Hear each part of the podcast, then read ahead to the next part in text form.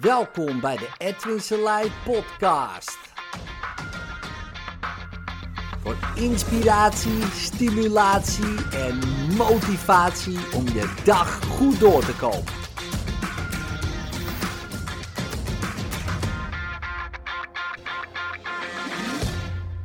Verbrand het boek. Echt, verbrand dat boek gewoon.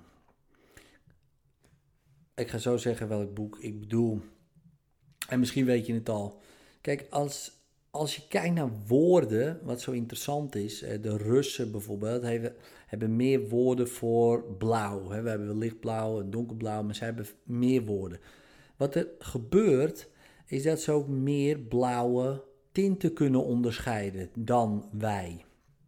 En dat doen die woorden. Die woorden zorgen ervoor dat we de realiteit uh, anders waarnemen.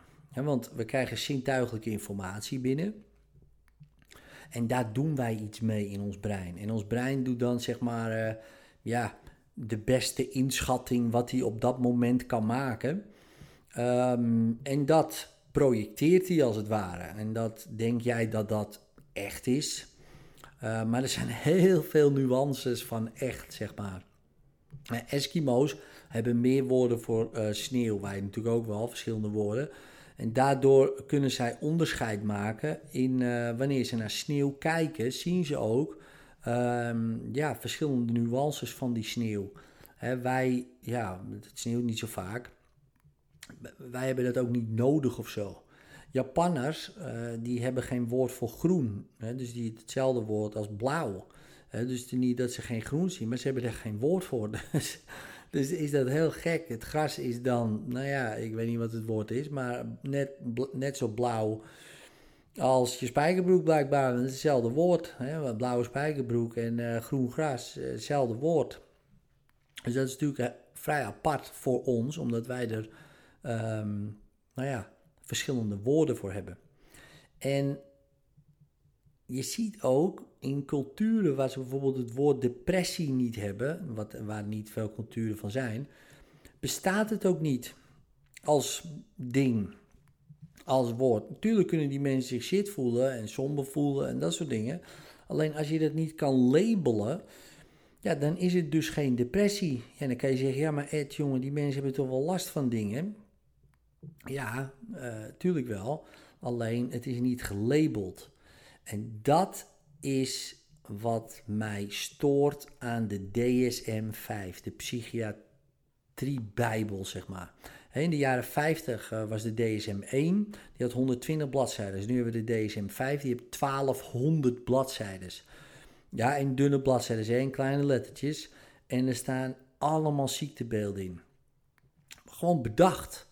Ik bedoel, die hebben ze gewoon bedacht. Het is niet uh, dat die bestonden. Dus die, in de jaren 50 bestonden ze niet. Dan kan je zeggen, ja, maar ja, dat hebben we zo gezien en geobserveerd. Ja, daar ben je naar op zoek gegaan. En op een gegeven moment ben je dat gaan labelen. Oh, daar kunnen we wel een stoornisje van maken.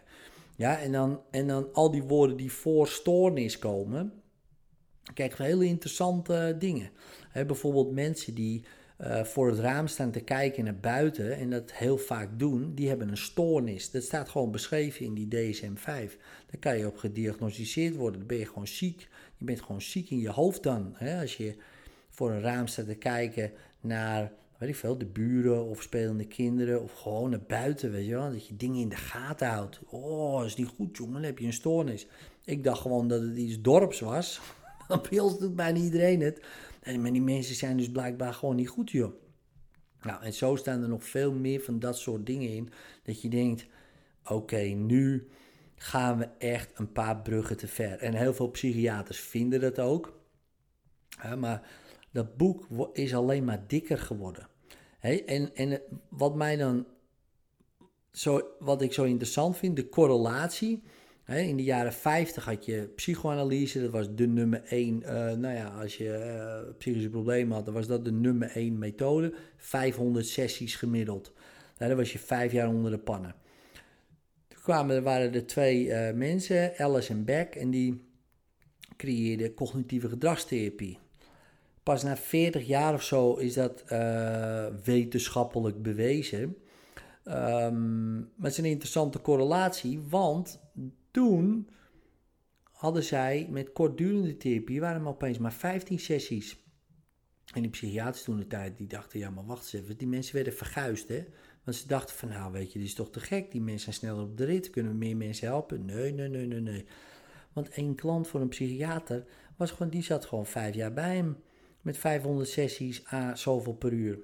Lekker makkelijk te verdienen zou je kunnen zeggen. Die van liggen, een beetje, beetje vrijelijk uh, wauwelen, uh, lekker. beetje hummen en, uh, nou, en wat opschrijven eventueel. En de volgende week zien we je weer. Of overmorgen. Soms kwamen ze gewoon twee, drie keer in de week langs. Nou komen opeens twee van die gasten, jonge gasten. En die dan zeggen van, hé man, het kan beter, het kan sneller, het kan anders. Nee, nee, nee. En 40 jaar later waren ze al in, in de 80 of zo. Um, toen was het, uh, nou, dat is toch wel bewezen. Maar in die periode, in die 40 jaar, hebben ze die DSM ook aangepast. Want opeens was hij bijna 10 keer dikker geworden. Opeens waren er meer ziektebeelden. Dus hadden we hetzelfde inkomsten. Dat is mijn theorie, hè hadden we opeens hetzelfde inkomsten. Dus in plaats van dat we minder mensen die langer bleven, hadden we nu gewoon meer mensen die korter bleven. Dus hadden, hadden we aan het eind van de streep even goed nog uh, dezelfde verdiensten. Zo zou je het kunnen zeggen. Ook in de jaren 50 werd de eerste antidepressiva um, uh, gecreëerd. En ook die is opeens niet meer alleen voor depressieve mensen. Nee, opeens ook voor angsten en opeens ook voor dwang en opeens ook voel je niet lekker en opeens, die wordt voor alles volgeschreven. Denk hè, paniekaanval, moet je antidepressiva, maar je, je, bent er niet depressief, je raakt in paniek. Ja, maar dat werkt ook daarvoor. Ik denk, oh ja, dus uh, we gaan het gewoon iedereen geven. Dan denk je, ja, het zal meevallen. Nee hoor, ram het ook die kinderen door een strot heen. Dus ik heb gewoon een bloedhekel aan het kutboek, die DSM-5. En ik heb hem. Ik heb hem. Ik ga hem denk ik gewoon, denk in een video, ga ik hem denk ik gewoon ritueel een keer verbranden. Ik denk, ja, dat is een goed idee. Dat ga ik gewoon doen. Want het is echt een kutboek. Ik heb hem doorgebladerd. Um, het is ook wel leuk. Het is lachen. Als je de humor, als je het met humor bekijkt, jezus, wie kan het bedenken? Maar het is niet eens humor. Daar hebben hele slimme mensen aangezeten. Uh, of tenminste, slim, intelligente mensen. Want slim is wat anders dan intelligent. Ik ken heel veel domme, eh, domme niet intelligente mensen, zeg maar. Die heel slim zijn. En ik ken ook hele intelligente mensen die heel dom zijn. En ik denk dat die aan dat boek gewerkt hebben. Maar goed, dat terzijde. Um, en nou, dan hebben ze allemaal dingen bedacht, hè, want dat is het. Laten we wat bedenken wat werkt, zoals ADHD. Nou, dat gaan we bedenken. Natuurlijk zijn er mensen die er last van hebben.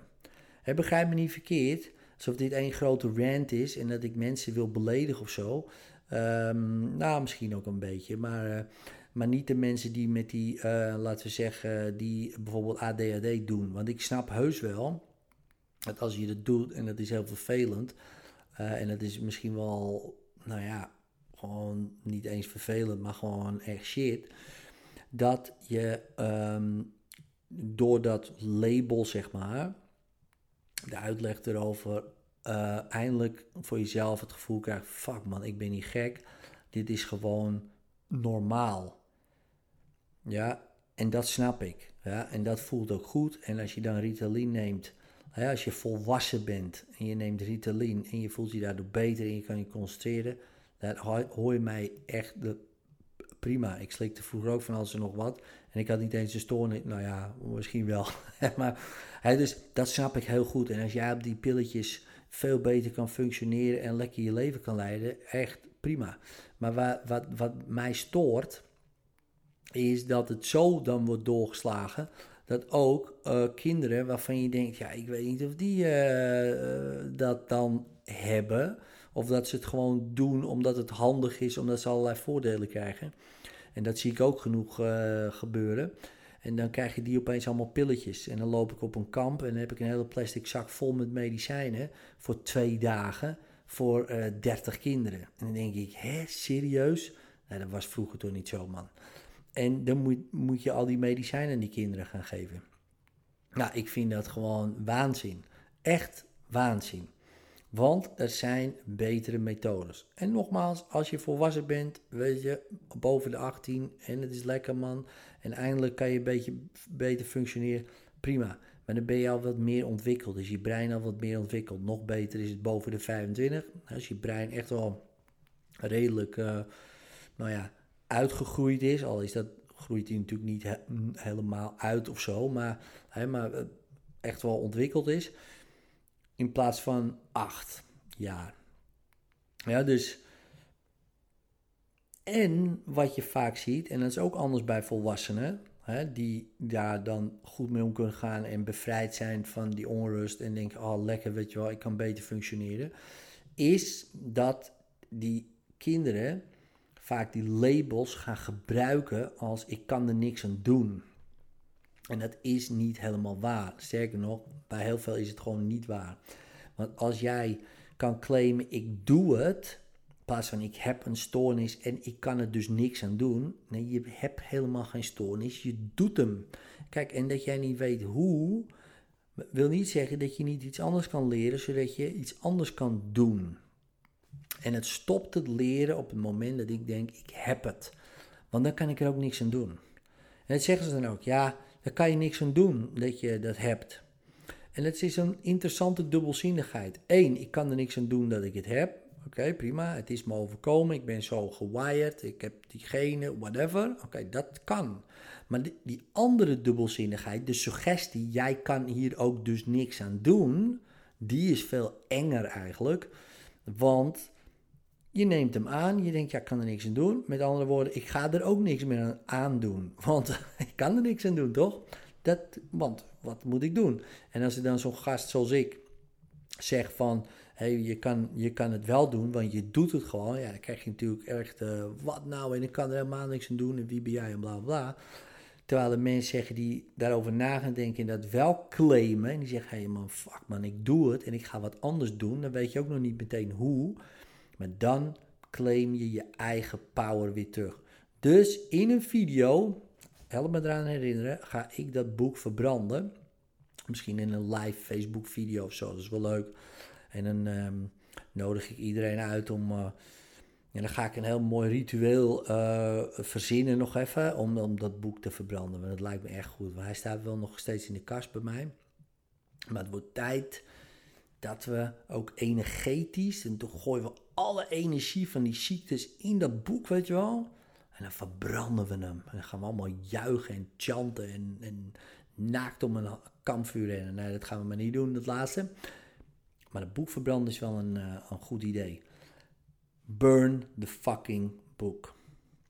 Dit was mijn rant. Later.